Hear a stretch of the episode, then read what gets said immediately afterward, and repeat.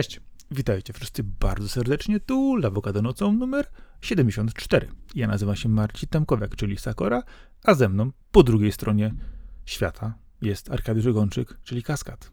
No, może nie po drugiej stronie świata, ale miasta.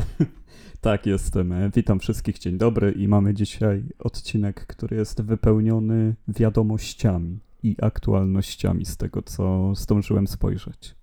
Zdecydowanie tak. Troszkę nam się uzbierało. Mieliśmy pierwszą rozpiskę, po czym zrobiliśmy dopiski do rozpiski, co powodowało, że rozpiska zrobiła się dwa razy większa. Ale też trzeba przyznać, że zmieniliśmy dzień nagrywania w tym tygodniu i wpłynęło to chyba na dobre dla podcastu, bo będziemy mogli porozmawiać o tym, że pojawiły się pierwsze przecieki dotyczące nowej konsoli przenośnej Sony, czyli coś, na co chyba czekamy oboje i nie tylko my od dawna, ale na pewno nie w takiej postaci, w jakiej pojawiły się te przecieki.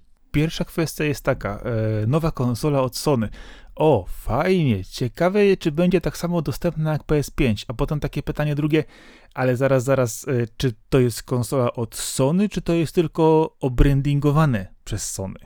I to jest właśnie zupełnie inne pytanie, inne podejście do tematu i samego też e, przecieku, który się pojawił, e, czyli o konsoli, która no, w sumie bezpośrednio miałaby być konkurencją, wydaje się, do, do czego tak w sumie? No, mamy coś, co jest konsolą przenośną Sony, nową. Oczywiście zaraz wszyscy pani, fani PS Vita i oczywiście PSP, o kurczę, zaczą się nakręcać, jest fajnie, ale mamy coś, co nazywa się projekt Q Lite, czyli tak naprawdę nie stricte konsola, a przystawka do PS5, która ma działać w ramach funkcji Remote Play. I tutaj właśnie wszystko zaczyna wyglądać zupełnie inaczej, e, czyli mówimy o e, czymś, co przeniesie nam e, funkcjonalność grania z PS5 na konsolę przenośną. Przy czym pamiętajmy, że PS Vita wcześniej takie funkcje też obsługiwała, a tutaj mamy konsolę, która jest stricte zorientowana na tę funkcjonalność. No tak, ja tutaj może jeszcze dopowiem. E, ma to być sprzęt, który wygląda tak naprawdę jak pad do PlayStation 5, e, który w środku ma jeszcze na samym środku 8-calowy ekran. E, I, on I ten sprzęt działa tylko w momencie, kiedy jest podłączony do internetu.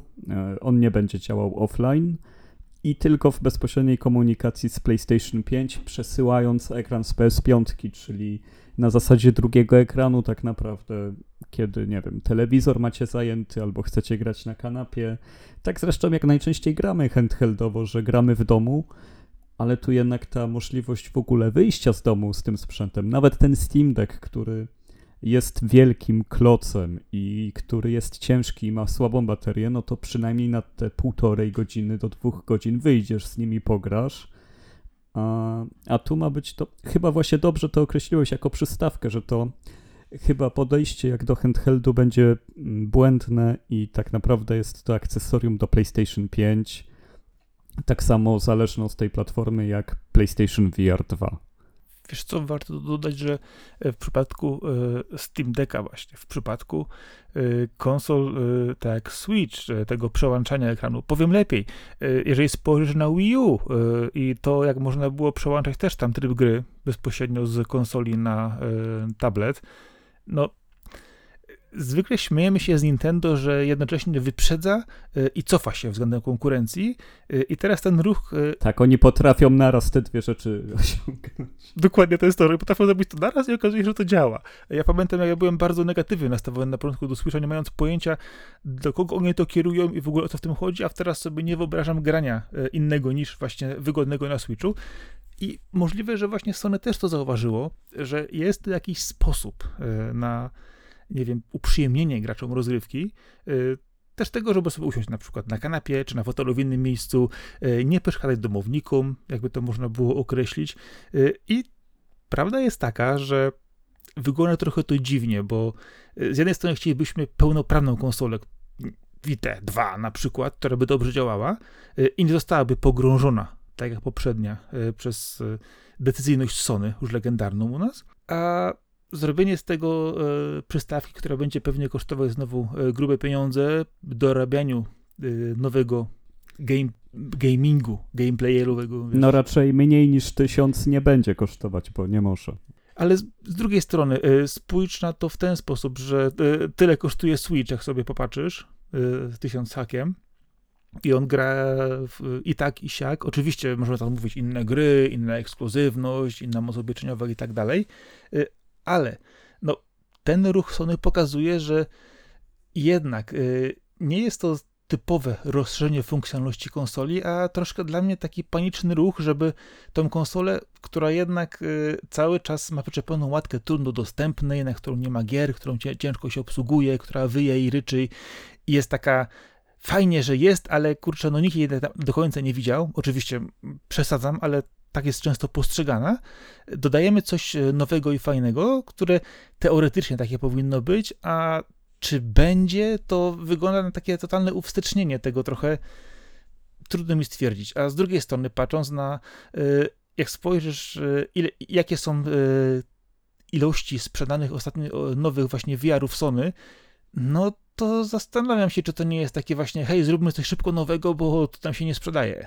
No, myślę, że na szybko i tak nic takiego nie powstaje i to było coś, co ma razem działać jako jeden ekosystem i, i rozumiem tą kwestię, że PlayStation 5 ma być w centrum u ciebie w domu pod telewizorem.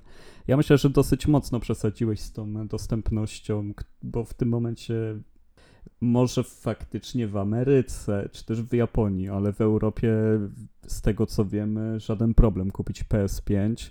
Problem kupić gołą, bez, bez żadnego spandlowanego tytułu, ale kupić PS5, no to myślę, że jutro byśmy się umówili w Poznaniu i byśmy wrócili z konsolami, jakbyśmy. Jak najbardziej. Chcieli. Oczywiście, że się nabijam z tego, ale chodzi, chodzi mi o sam fakt, że y, jest to w tej chwili też najdroższa konsola na rynku, y, która no, rozszerza swoją funkcjonalność o kolejny y, finansowy dodatek do siebie, który w żaden sposób nie jest rewolucyjny na rynku. I pytanie, czy on się w ogóle ma szansę przyjąć, bo zwróć uwagę, że w przypadku Vity, która też rozszerzała e, funkcjonalności grania, y, bezpośrednio przenoszenia ekranu i streamingu sobie remota y, na jej ekran, to też nie zdało egzaminu. No to jest chyba właśnie chodzi o to, że to jest dodatek, żeby nie musieć się martwić marketingiem, wrzucaniem tego ludziom, zdobywaniem tytułów, tylko po prostu jest to coś, co działa tylko z PS5. Tak jak Padlet do Wii U, myślę, że, że to jest najtrafniejsze określenie, że Sony idzie drogą Nintendo po dwóch generacjach. E, ja uważam, że samo w sobie to rozwiązanie jest naprawdę fajne, super, jeżeli już masz PS5 i, i, chcesz w ten sposób sobie pograć, bo masz Switcha i sobie z nim siedzisz na kanapie, a, a chciałbyś tak samo sobie posiedzieć z, z grami z PS5. Z tym, że no cały czas ten Steam Deck mi chodzi po głowie, że no na Steam Decku jednak odpalisz Hogwarts Legacy, odpalisz God of War'a, odpalisz y, Elden Ringa, i, I tam on się nie musi z niczym łączyć, nie musi się łączyć z internetem, nie musi się łączyć z innym sprzętem, bo streamowanie obrazu e, nawet na telefon jest przecież bez problemu. Już na Xboxie przecież możliwe jest Xcloud i, i sobie grasz w te gry na telefonie z jakimś e, Razer Kimchi i tyle, ale ale cały czas, no, no właśnie, czemu, czemu tam nie będzie tej opcji typowo handheldowej? Myślę, że mogliby zrobić jakiś podział tytułów na te, które by miały wystarczającą moc, żeby zacząć od jakiejś, jakiegoś tam pakietu indyków z PS4, żeby tam przyznawać im znaczki. Przecież gry na Steamie, e, no też one nie są robione od nowa na Steam Decka, tylko przechodzą jakąś tam wstępną weryfikację, że tak, będą działać na Steam Decku i dostają ten znaczek, więc e, myślę, że całkiem dużo gier y, na konsolach nowej generacji jest w tym momencie indykami, które e, by z powodzeniem działały na PlayStation 2 i, i one by mogły działać jako standalone, e, nie wiem, 200 km od domu, bez połączenia z internetem, a nie w tym samym pokoju co PlayStation 5, czy też w zasięgu routera. To, to jest moja, moja jedyna jakby jak, jakiś tam zarzut y, co do tego pomysłu bo samo dorzucenie ekranu między, między przyciski napada i granie w ten sposób. No ja bardzo lubię siedzieć na kanapie i grać na handheldzie i gdybym miał PS5, pewnie bym z tego korzystał, albo raczej nie korzystał, bo byłoby to tak drogie, żebym się puknął w głowę, ale gdyby cena była przystępna, to skusiłbym się. To właśnie myślę, że o to też chodzi, że sama cena PlayStation jest wysoka. E, u nas jest najczęściej wersja bundlowana z różnymi rzeczami. E, tutaj musisz dokupić sobie kolejny gadżet e, do tego wszystkiego, a kilka razy taniej może kupić sobie Switcha, który ten poziom powiedzmy odczucia gamingowego cię zapewni bez problemu, ale też to, co wspominałeś, że tak naprawdę jest to pad podłączony do sieci z dodatkowym ekranem, który no, ma pewne, pewne jakieś określoną moc obliczeniową na przetworzenie powiedzmy danych, które do niego spływają. Natomiast y, podejrzewam, że y, to, że nie będzie na niego gier bezpośrednio, właśnie tego typowego handheldu, który może sobie wyjść z domu, y, pójść porać gdzieś indziej, to jest właśnie ten, ten, ten, główny problem, gdyż przeważyłby pewnie w kwestiach kosztowych też. Y, trzeba by wstawić do tego odpowiednie y, bebechy, odpowiednią pamięć, odpowiednie procesory, żeby to wszystko działało, a to już raz przerabialiśmy w przypadku właśnie Wity. I kwestia myślę, że też związana bezpośrednio z tym, że jest to coś, y, co nie może działać y, zupełnie niezależnie. Y, I taka jest po prostu droga, którą oni bezpośrednio sobie wybrali. Czy ona będzie właściwa, zobaczymy z czasem. Wydaje mi się, że to może skończyć jako takie niszowe peryferium, które jedni sobie kupią, inni nie. A może okazać się, że to zupełnie zagryzie, bo ekscytacja grania w niesamowicie super fajowe podrasowane tytuły y, na nową generację, na małym y, padziku z małym mechanikiem, może okazać się czymś zupełnie fajnym, nowym doznaniem, ale no wiadomo, ono będzie cały czas jednak ograniczone powiedzmy do naszego y, domu i zasięgu i przepustowości, co ważne, naszej sieci. No wiesz jak to jest, zdecydowanie łatwiej sięgnąć po taki mały ekranik, od razu chwycić w ręce niż uruchomić telewizor, jakby to nie brzmiało, mimo iż to jest jeden przycisk i, i sięgnięcie popada, to jak, jak się jest obładowanym handheldami, to, to raczej się sięga po handheldy niż, niż odpala duży sprzęt, chyba że faktycznie jakiś wielki hit na niego wyszedł. No ale dobrze, no lećmy dalej. Chyba powinniśmy zostać przy tym, że to nie jest właściwie handheld, tylko akcesorium do PS5 i z taką optyką łatwiej jest znieść te rewelacje, które w sumie i tak nie są jeszcze potwierdzone i to będzie coś, co, będzie, coś, co wróci jeszcze nieraz pewnie e, na nasz podcast. Zobaczymy, e, w jakiej formie ostatecznie się to pokaże i czy w ogóle się pokaże, gdyż wiemy, że pojawiały się nieraz różnego typu rozszerzenia e, czy pomysły na to, jak rozbudować czy ubarwić rozgrywkę. Nie wszystko wychodziło poza plotkę, no ale skoro mamy już taką informację, która dosyć została, powiedzmy, jasno przekazana, no, jakieś ziarno prawdy w tym jest. Kiedy się to ukaże, jak się to przyjmie, y, zdecydują gracze. No, granie handheldowe jest fajne i przyjemne, natomiast no, tutaj musisz jednak mieć tą dużą konsolę w zapasie. I tutaj, no, specyfika grania na Switchu, znowu e, wracam do tego, jest zupełnie inna y, i no, powiedzmy sobie w ten sposób. Nie życzę źle PlayStation, ale niech dobrze przemyślą, co robią i czy to jest właściwa droga. Niech przemyślą, no. to, to, to, to by była rada warta miliony. E, jaki jest kolejny temat, który też pewnie się kręci dookoła milionów, bo my dzisiaj tylko e, grube tematy poruszamy. No grube tematy, no panie, żywy ninja, nasz po prostu nadrzędny, najgrubszy, najbardziej zielony temat. A w tym wypadku. A to jest coś bezcennego. Tak, a w tym wypadku mówimy o jednej z nowszych historii, czyli The Last Ronin, który ponoć jest też w postaci gry w czasie już w tej chwili produkcji. Tak, e, żeby nakreślić temat, e, jeżeli jesteście fanami żółwi ninja, a jak można nie być ich fanami, no to jednak Wiecie, że tam są wzloty i upadki w, tej licencji. E, bardzo nierówny poziom jest rzeczy, które się ukazują e, z logo żółwi, ale na pewno jednym z takich jaśniejszych punktów e, jest wydany niedawno w 2020 roku komiks Last Ronin, w którym Raffaello no jest, to jest historia zemsty Raffaello, po, powiedzmy tak, żeby nie spoilować cały czas e, też e, czekałem, aż ten komiks trafi do Polski, ale już trzeci rok leci i, i chyba po prostu wezmę jego angielską wersję, bo cena jest zaskakująco przystępna, jeżeli chodzi o zamawianie, trochę ponad stówka i, i macie nowy anglojęzyczny zbiorczy e, komiks Last Ronin. E, no jest to krwawa historia, jest to właśnie ten taki ciemniejszy rzut oka na, na żółwie ninja, bo oni są czasami weselsi, czasami bardziej komiksowi, bardziej dla dzieci, a czasami dla dorosłych. To tutaj jest zdecydowanie bliżej tej wersji dla dorosłych. E, no a nie wiem, a to jest chyba. To jest wersja żółwi ninja, którą ja bardzo lubię akurat i cieszę się, że gra w tym typie akurat teraz powstaje. Ważne jest to, że żółwie od samego początku tak naprawdę były czymś bardzo brutalnym, bardzo nastawionym na dojrzałego odbiorcę. Później, w latach 80., seria animowana i to, co się działo z licencją, trochę zmieniły to podejście, chociaż no, cały czas trzymało sporo z tego klimatu, natomiast to, co się działo w ostatniej dekadzie, jeżeli chodzi o żółwie, e, przemilczę. Ale właśnie e, ten Lasteronin e, wydaje się być dobrym powrotem do, powiedzmy, tej serii takim właśnie mocniejszym wydaniu, e, kierowanym do bardziej dojrzałego odbiorcy, gdzie rzeczywiście e, mamy też troszkę przyszłości, mamy trochę postapo, mamy Nowy Jork, który trochę wygląda inaczej.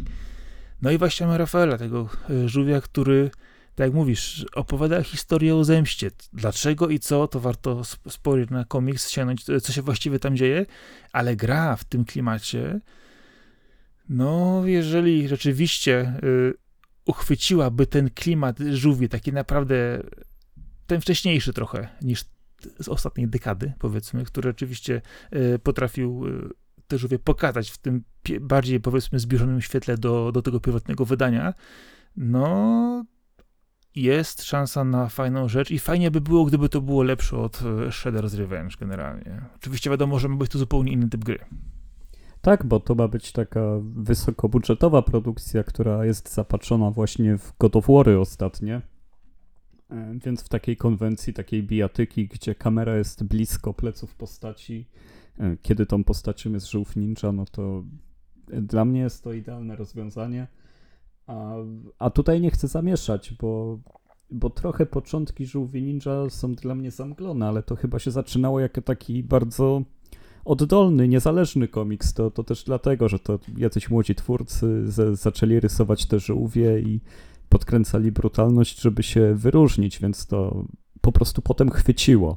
I też przy okazji przerodziło się w kreskówkę, ale e, no to jest taka typowa historia niezależnego sukcesu chyba, to od tego się zaczęły żółwie. Znaczy wiesz co, kwestia historia twórców to jest, to jest czas na e, dłuższą, dłuższą rozmowę, gdyż twórców jest dwóch, oni się pokłócili, rozeszli się, jeżeli chodzi o kwestie licencyjne, oni się przez wiele, wiele lat w ogóle nie kontaktowali, żyły, żyły własnym e, życiem właśnie kierowanym przez jednego z nich e, te historie, które były na początku pokazywane przez Żółwie, no od początku były historiami o zemście, tak naprawdę, w wielu aspektach, te pierwsze, pierwsze właśnie wydania. I ono w sumie miało założenie takiego bezpardonowego, bezprecedensowego pokazania, rozliczenia się z pewnymi sprawami. E, dla, dla kogoś, kto czytał to pierwsze komiksy stare, to e, kto, kiedy się pojawia, kiedy ginie Shredder, kiedy pojawiają się inne postaciach, to wygląda zupełnie inaczej niż później jest to rozegrane. Oczywiście na potrzeby serii, którą ciągniemy długo później, zostało to troszkę pozmieniane, zrobione, dostosowane w kolejnych odsłonach.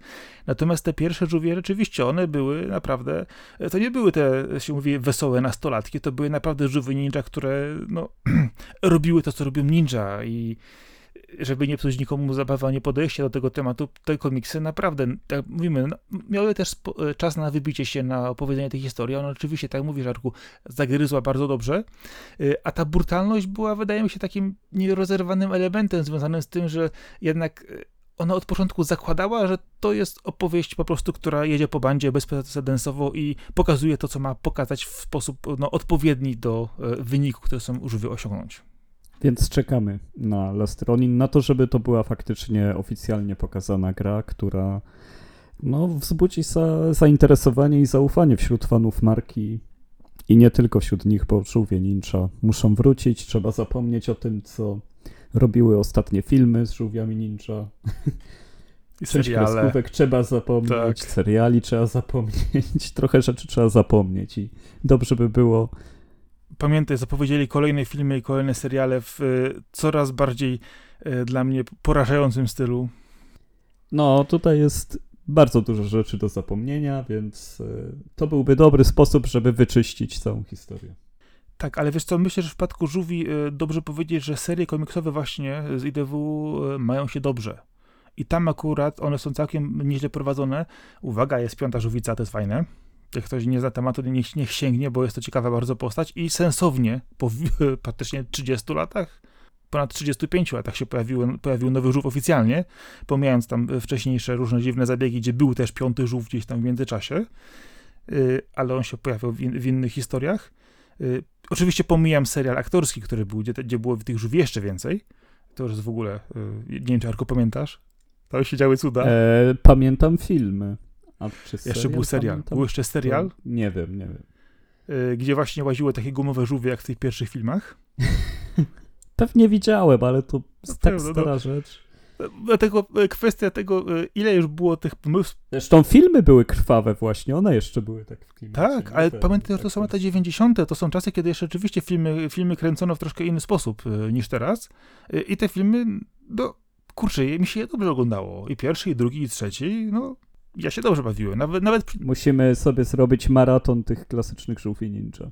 O, jestem bardzo za, jestem bardzo za.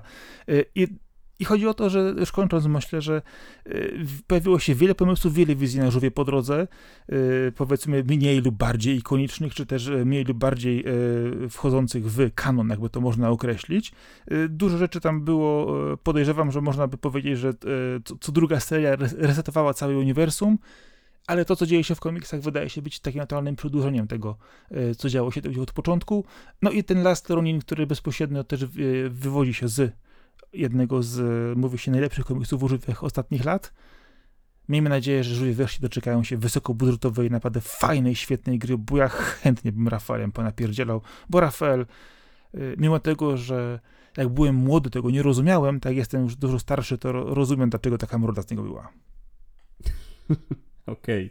E, I na co teraz jeszcze można pomarudzić? No chyba w Microsoftie się trochę zadziało, bo był wielki rumor, że Quantum Break zniknęło z Game Passa, a chwilę potem e, pojawiła się informacja, że to tylko na chwilę z powodów licencyjnych i gra wraca. Ale co był hałas, to był hałas. To, I nieważne, jego to było, ważne, że mówią.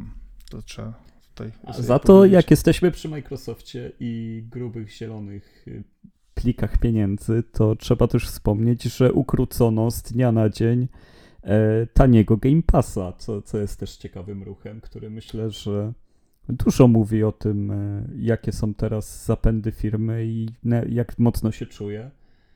E, bo to już koniec promocji, że za 4 zł sobie przedłużasz Game Passa, że, że można właśnie korzystać z tych promocji dla po- powracających użytkowników i tak dalej. E, Wiemy, że Microsoft teraz testuje jakiś program, który będzie się nazywał Przyjaciele i Rodzina. E, Tam chyba 4 albo 5 osób będzie można mieć w takiej grupie. E, I wtedy będzie wychodzić 20 zł za Game Passa. Jeżeli przeliczamy to jeden do jeden z tego, co jest teraz chyba na Węgrzech jest testowane, w Chile i w jakichś jeszcze losowych krajach. Super sprawa, jeżeli to będzie w ten sposób rozwiązane. E, Chociaż dziwi trochę, że tak z dnia na dzień ukrócono. Chociaż wiadomo też czemu, gdyby zapowiedziano, że za miesiąc kończy się promocja, to ludzie by tak sobie nadmuchali konta, że, że już w ogóle by te wszystkie rzeczy były poprzedłużane, by były Game Passy do 2040 pewnie. Znaczy dwie kwestie. Jeżeli chodzi o przedłużenie Game Passa, to o tym, że zmieniają się te rzeczy, już było wiadomo od paru miesięcy, kiedy pojawiały się i znikały te promocje w trochę różnym zakresie i to można było już wyczuć, że coś, jakieś ruchy są podejmowane. E, Drugi element jest taki, że przez lata Microsoft przygotowywał i przyzwyczajał graczy do tego, jak ta usługa jest rozbudowana, jak jest dostępna E, i sporo osób naprawdę bardzo ją polubiło, pokochało i no, gra tylko i wyłącznie w Game Passie, gdyż tam w ramach abonamentu ma dostęp do nowych i starszych gier, często też premierowych i bardzo dobrze się to spisuje. Oczywiście stoi za tym dużo, dużo plików y, zielonych dolarów i tym podobnych, które zostały zostały zainwestowane, ale tak jak wspomnieliśmy, Microsoft ma mnóstwo kasy, ma plan i w tą stronę poszedł i oczywiście to widać, tym bardziej, że y, przekłada się to bezpośrednio na to, jak jest postrzegany przez graczy pozytywnie. Pamiętaj, że Microsoft przez długie, długie lata powiedzmy na przełomie XX-XXI wieku był postrzegany bardzo negatywnie, więc pracował też na tą zmianę swojego wizerunku, y, która wyszła od strony y, gamingu. A to, że zrobili to szybkim ruchem, wydaje mi się, tak mówisz, właściwe, gdyż napompowanie tych y, Game Passów na długie, długie lata, y, no, spowodowałyby pewnie też jakiś tam, myślę, że jednostkowy, procentowy, powiedzmy, zapchanie graczy, którzy nie, nie kupiliby przedłużenia, a jednak ten gracz przyzwyczajony do jakości i tego, co dostaje, jest w stanie jednak sobie, przejrzeć sobie te pieniądze. A, nawet w tej normalnej cenie, czy trochę niższej cenie, pasuje mi to, będę grać. O, jest nowa usługa. Y, taki Netflix dla graczy, może siedzieć z rodziną, y, grupować to no kurczę, wydaje się to być dokładnie tym, do czego od samego początku zmierzało. Oczywiście przez przyzwyczajenie graczy i dostarczanie im dobrych treści, co przekłada się bezpośrednio w tej chwili na to, że y, nie ma jakiegoś wielkiego larum nagle, że zmieniło się to w Game Passie nie można za 4 zł, tylko jest, że no okej, okay, no w końcu się dostało, wiadomo, że do, do, tego momentu dojdziemy, no i gracze, wydaje mi się, nawet spokojnie to zaakceptowali. No ja w sobie nawet nie wiem, bo nie prześledziłem jakichś głosów, y, jak ludzie na to reagują. Zaobserwowałem tylko bardziej, że się dużo o tym pisze, e, no, no bo to jest duży news, że zmienia się zmieniają się zasady przedłużania usługi, która daje tyle jakości za tak niewiele. E, jeżeli masz grupę przyjaciół, z którymi faktycznie założysz sobie tą grupę i będziecie na legalu, bez kombinowania, za trochę więcej wykupywać sobie dostęp do, do całej biblioteki, to brzmi to spoko. Według mnie jest to jednak znak tego, że kiedy masz do czynienia z abonamentem, to nic nie jest pewne poleganie na tym, wspieranie tego rodzaju modelu dystrybucji jest według mnie niewygodne, nieprzewidywalne.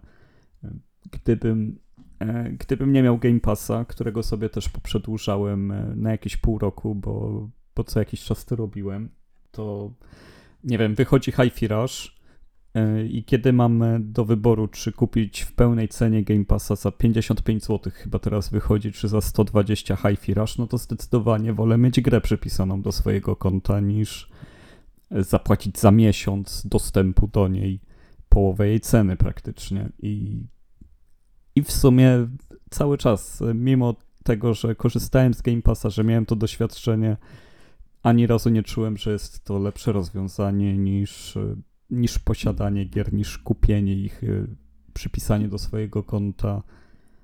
Dla mnie ten cały Netflix dla graczy nie przemawia. Tytułów jest tyle, każdy ma taką bibliotekę, że jeszcze dostać 90 innych do wyboru. Nie wiem, czy cokolwiek zmienia. Ja jestem sceptykiem. Y, czy sam model licencyjny jest, jest to coś, w, w co w tej chwili wszystko zmierza? Y, wszystkie możliwe aplikacje, usługi, Y, gry, dostęp do mediów, dobrej kultury, no wszystko w tej chwili wchodzi w model subskrypcyjny y, absolutnie masowo. Nawet zauważam to w aplikacjach, które y, używam na, na Androidzie, że miałem wersję Pro wykupioną i jest informacja, hej, hej, słuchaj, słuchaj, fajnie, że masz Pro, bo jeżeli nie, ma, nie miałbyś Pro, to dostajesz abonament. No i to pojawia wszędzie. Kwestie licencyjne, dostępności różnych rzeczy w ramach abonamentów to jest temat, temat rzeka bo nawet okazuje się, że na przypadku Quantum Break, że nawet jeżeli tytuł jest nasz, to nie mamy jakiejś licencji do końca, to musimy to wycofać, zmienić i pokombinować y, sławne gry wycofywane z powodów y, nieposiadania licencji do wizerunku, muzyki, czegokolwiek, no to się pojawia nieustająco. A problem jest, jest, też taki, co wspominasz, kwestie dotyczące posiadania gry, a wypożyczenia gry. Ujmijmy to tak bardzo skrótowo. Cena gry jest też e, pewnym wyznacznikiem jej długości, dla mnie zawsze mówiłem. E, I zwróć uwagę na to, że e, dla wielu osób ogranie gry w ramach abonamentu, która starczy na przykład na 10 godzin, a kupienie jej za na przykład trzykrotność ceny abonamentu, to wyrówna się temu, że woli ją ograć w abonamencie, bo wie, że do nigdy więcej nie wróci. Dlatego też to jest kwestia zastanowienia się w przypadku wielu osób, e, czy to gry krótsze na raz e, warto kupić w pełnej cenie, czy lepiej oczywiście grać w abonamencie, który jest zdecydowanie tańszy i w ramach tego abonamentu mogę w ciągu tego miesiąca przykładowo ograć te dwie, nawet czasami trzy krótsze gry, niż płacić za nie y, tą pełną cenę, czy powiedzmy połówkę ceny. I to dla wielu osób jest pewnym no, wyznacznikiem tego, ile chce pieniędzy wydać na tą rozrywkę. Y, I to nie jest często postrzegane Y, już teraz, tak jak y, kiedyś, że mam pudełko, mam płytę, mam nośnik, jest to moja gra, y, tylko rzeczywiście ten model subskrypcyjny spowodował u wielu osób zmianę tego podejścia, gdzie rzeczywiście grę się wyporycza, gdy się dostaje w ramach abonamentu, ja sobie ją gram, ja sobie ją y, kończę, ja nie muszę jej posiadać, ja skończyłem to doświadczenie z tą grą i mogę sięgnąć po następną gdybym miał ją na półce, to nie wiem, czy sięgnąłbym po nią ponownie. No i sporo osób właśnie tak na to wydaje mi się patrzy. Pewnie tak jest. Tutaj już chyba nic więcej nie dodamy. Fakty są takie, że abonament się zmienia i, i coraz więcej gier będzie częścią różnych abonamentów. Dobrze. E, w takim razie, jeżeli mamy temat dotyczących e, grubych pieniędzy, e, to myślę, że skupimy się na innej grze, która ostatnio się pokazała i też zarobiła grube pieniądze, ale no, przyniosła ze sobą też trochę innych rzeczy. Ale co powiesz mi w takim razie o Resident 4 Remake i o jego sprzedaży? No, jeżeli chodzi o sam tytuł, to absolutnie wisienka na torcie. Przewspaniała gra, pełna rekomendacja. Ten remake jest tip-top, tak jak już zresztą wspominałem na ostatnim odcinku. E, no i za tym poszły liczby też, bo 3 e, miliony kopii sprzedano w dwa dni, co jest świetnym wynikiem, rewelacyjnym. I jest to drugi wynik w historii serii Resident Evil. I nie wiem, czy wiesz, jaki tytuł jest pierwszy, jeżeli chodzi o najlepszy launch w historii Resident Evil. Możesz spróbować raz strzelić. Mm, najlepszy launch w Resident Evil, nie wiem, dwójka? Powiem ci lepiej, szóstka. Szóstka Co? miała taki hype, że to szóstka się tak na starcie najlepiej sprzedała na launchu. E, szóstka, czyli najbardziej przehypowana część. No, najgorsza z, ty, z tej trylogii 4, 5, 6 na pewno. A to jestem, jestem autentycznie zdziwiony, bo e, ta gra miała straszny hype. Później, kiedy się okazała, było, że e, w środku parę razy przeszarżowała e, po sobie i po swojej legendzie bardzo mocno. Ja nie mówię, że ta gra była zła, ona była specyficzna, ona była inna. No, ta seria przyzwyczaiła nas do tego, że kolejne odsłony często eksperymentują z formułą, ale że ona się sprzedała najlepiej, to chyba pokazuje, jak bardzo e, gracze wierni tej marce i nie tylko, e, z jednej strony byli jej na nią wygłodniali, a z drugiej strony jak kampania marketingowa, reklamowa ją rozkręciła, że taki wynik rzeczywiście, mówisz, najlepszy w tej serii osiągnęła. No, to był y chyba taki moment, że ta czwórka była przełomem, potem piątka z kooperacją tak zawojowała rynek, a szóstka wyszła w chwili, kiedy tych Xboxów i PlayStation 3 było tyle na świecie, że to był chyba taki najlepszy moment na wydawanie gier na tamtą generację i po prostu wszystko się zgrało, więc ja też jestem zdziwiony, ale nie wiem, co pobije rekord szóstki, ale, ale tutaj dużo wskazuje na to, że najlepiej zrobić teraz remake szóstki jako kolejny, skoro były takie wyniki. No to po to, że jeszcze mają piątkę, tam tak nie po kolei? A po co po kolei? Rzeczywiście, kasa się musi zgadzać. No, ale, ale w każdym razie, no tak, no 3 miliony to się chyba komentuje samo. Świetny wynik, rewelacyjny wynik i daje nadzieję na to, że e, Capcom w razie różnych niepowodzeń to jednak będzie firmą, która się nie zamknie i zawsze będzie miała e, Residenta, Monster Huntera i Street Fightera i, i są w stanie przetrwać na tych trzech licencjach wszystko, bo e, no ludzie kochają te gry po prostu i, i myślę, że też słusznie, że należy im się ta legenda. Wiesz, to, to że ty kochasz Street Fightera, wszyscy wiemy. Y, czasami jest to miłość tragiczna, jeżeli chodzi o ostat. Numer 3, oczywiście, że kocham, tak. Alfy Oczywiście. kocham, Street Fightera 3 kocham, to nic nie kłamiesz. Y, tak, Street Fighter 6. A Street Fighter 6 mógłby na przykład nie istnieć i też by było dobrze. Tego mówię, trudna miłość. No ale właśnie z drugiej strony mamy y, to, że y, z jednej strony jest wielka miłość do y, serii, do tytułów, a nie wiem, czy słyszałeś o tym wielkim hejcie dotyczącym aktorki głosowej, która, wiesz, została strasznie zjechana przez fanów w cudzysłowie gry, która musiała zdaktywować swoje konta w, w socialu, bo ludzie zaczęli autentycznie traktować ją tak negatywnie, że to się odbiło bezpośrednio na niej. Mówimy o Lily Gao, która y, wcielała się y, tutaj w nowy odsłonie w Ade Wong, no i co no, wielu ortodoksyjnym fanom nie, nie, chcę nazywać wprost, bo po prostu aż, aż mi się robi przykro na samą myśl o takich ludziach, y, no poczuło się w obowiązku powiedzeniu jej dosadnie i drastycznie, że nie podoba im się to.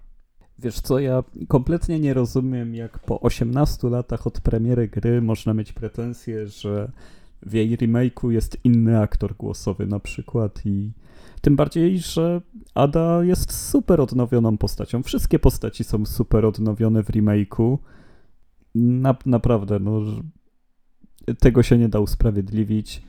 Ja wiem, że, że tutaj u nas też się pojawiają narzekania, że jakiś casting jest nie taki, że, że ludzie, którzy wcielają się w postaci w filmach, na przykład w bohaterów gier, są źle dobrani. No ale dobra, no to my tu sobie pogadamy, a nie idziemy komuś pisać na jego Instagramie, że mi zrujnował doświadczenie. Bo nie, w przypadku Cowboy Bebop to mi doświadczenie zrujnował na Netflixie sam Netflix, że się za to wziął, a nie ci aktorzy, że na to poszli, no bo ktoś i tak musiał tam pójść skoro postanowiono to zrobić. Ktoś by się w końcu znalazł. I nie mogę tego Bebopa przeżyć. Zawsze będzie wracać. Wiem, Bebop zawsze w sercu, ten oryginalny wiem. Ale e, kwestia jest taka, że ja oczywiście często jeżdżę na samo słowo remake, to już dostaję, wiesz, od razu dostaję tej, wiesz, pierdziela w głowie i mam dosyć. Ale właśnie e, ten przypadek, to co nieraz mówimy, możemy sobie skomentować, możemy powiedzieć, nie podoba mi się to, nie dociera to do mnie, nie, nie jest to moja bajka, nie wiem, zrobiłbym to inaczej.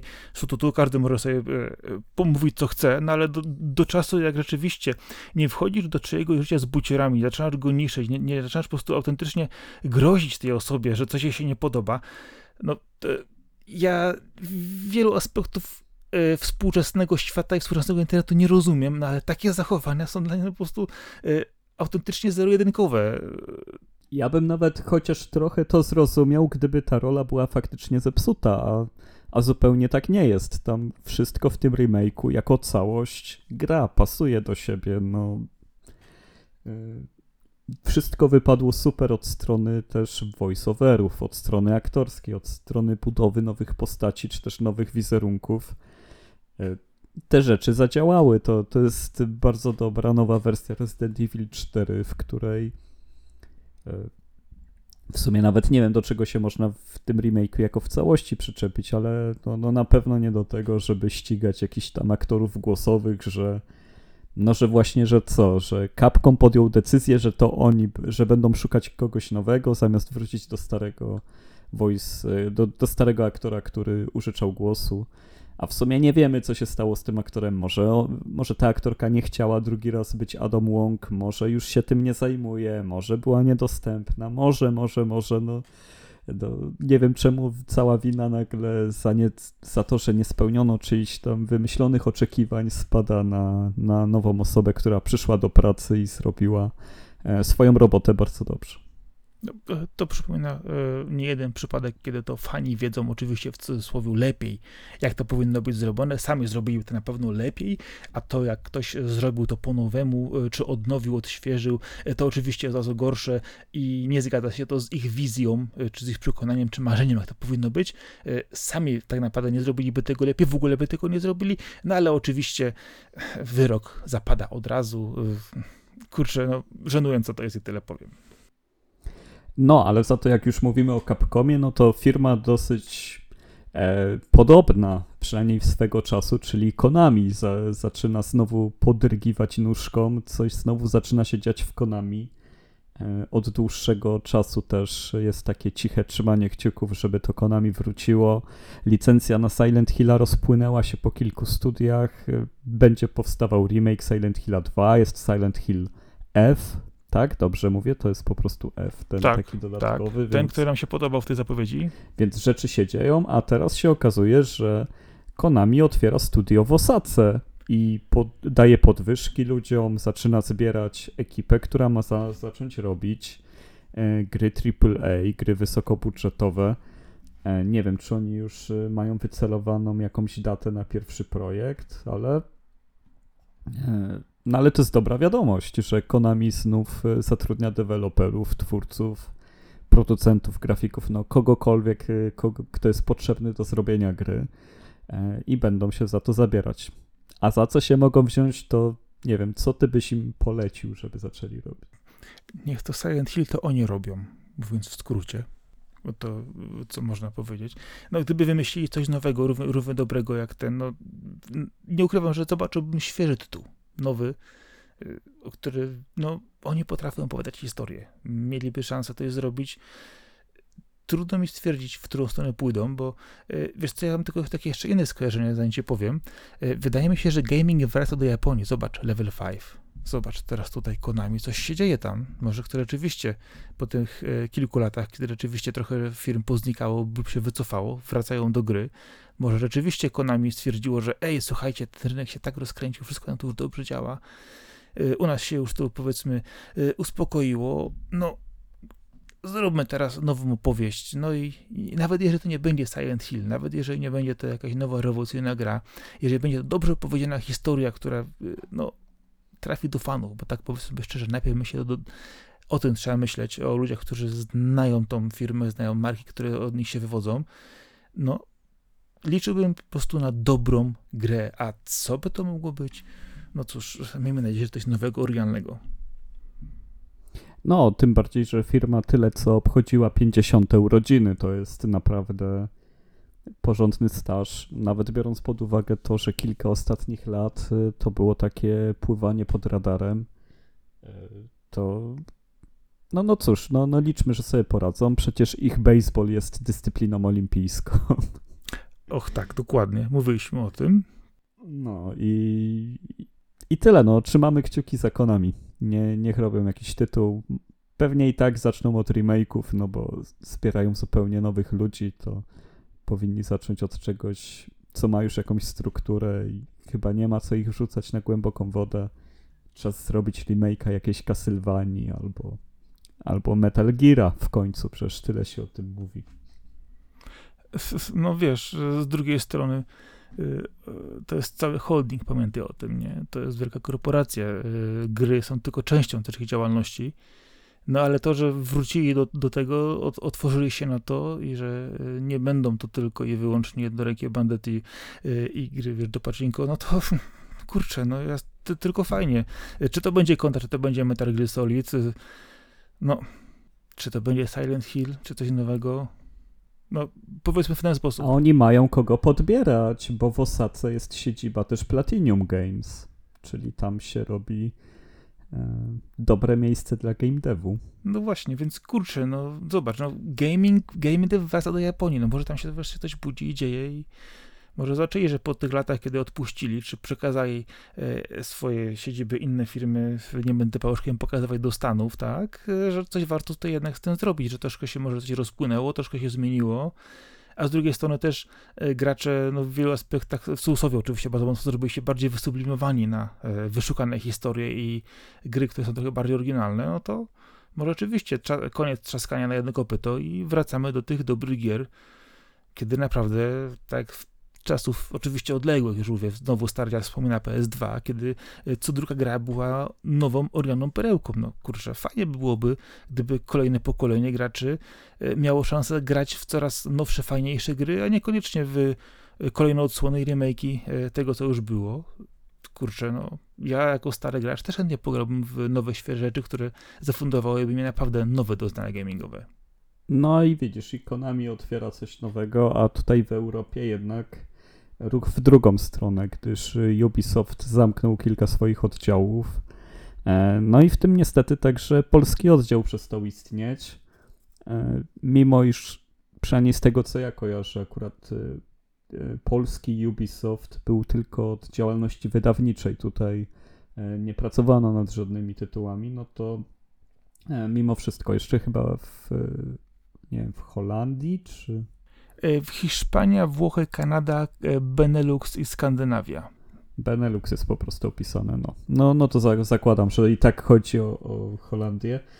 E, no zamknięto biura Ubisoftu, czyli może to być tak, że, że to jest e, faktycznie zbieranie sił, przegrupowywanie się, bo ostatnio bardzo słabo idzie Ubisoftowi.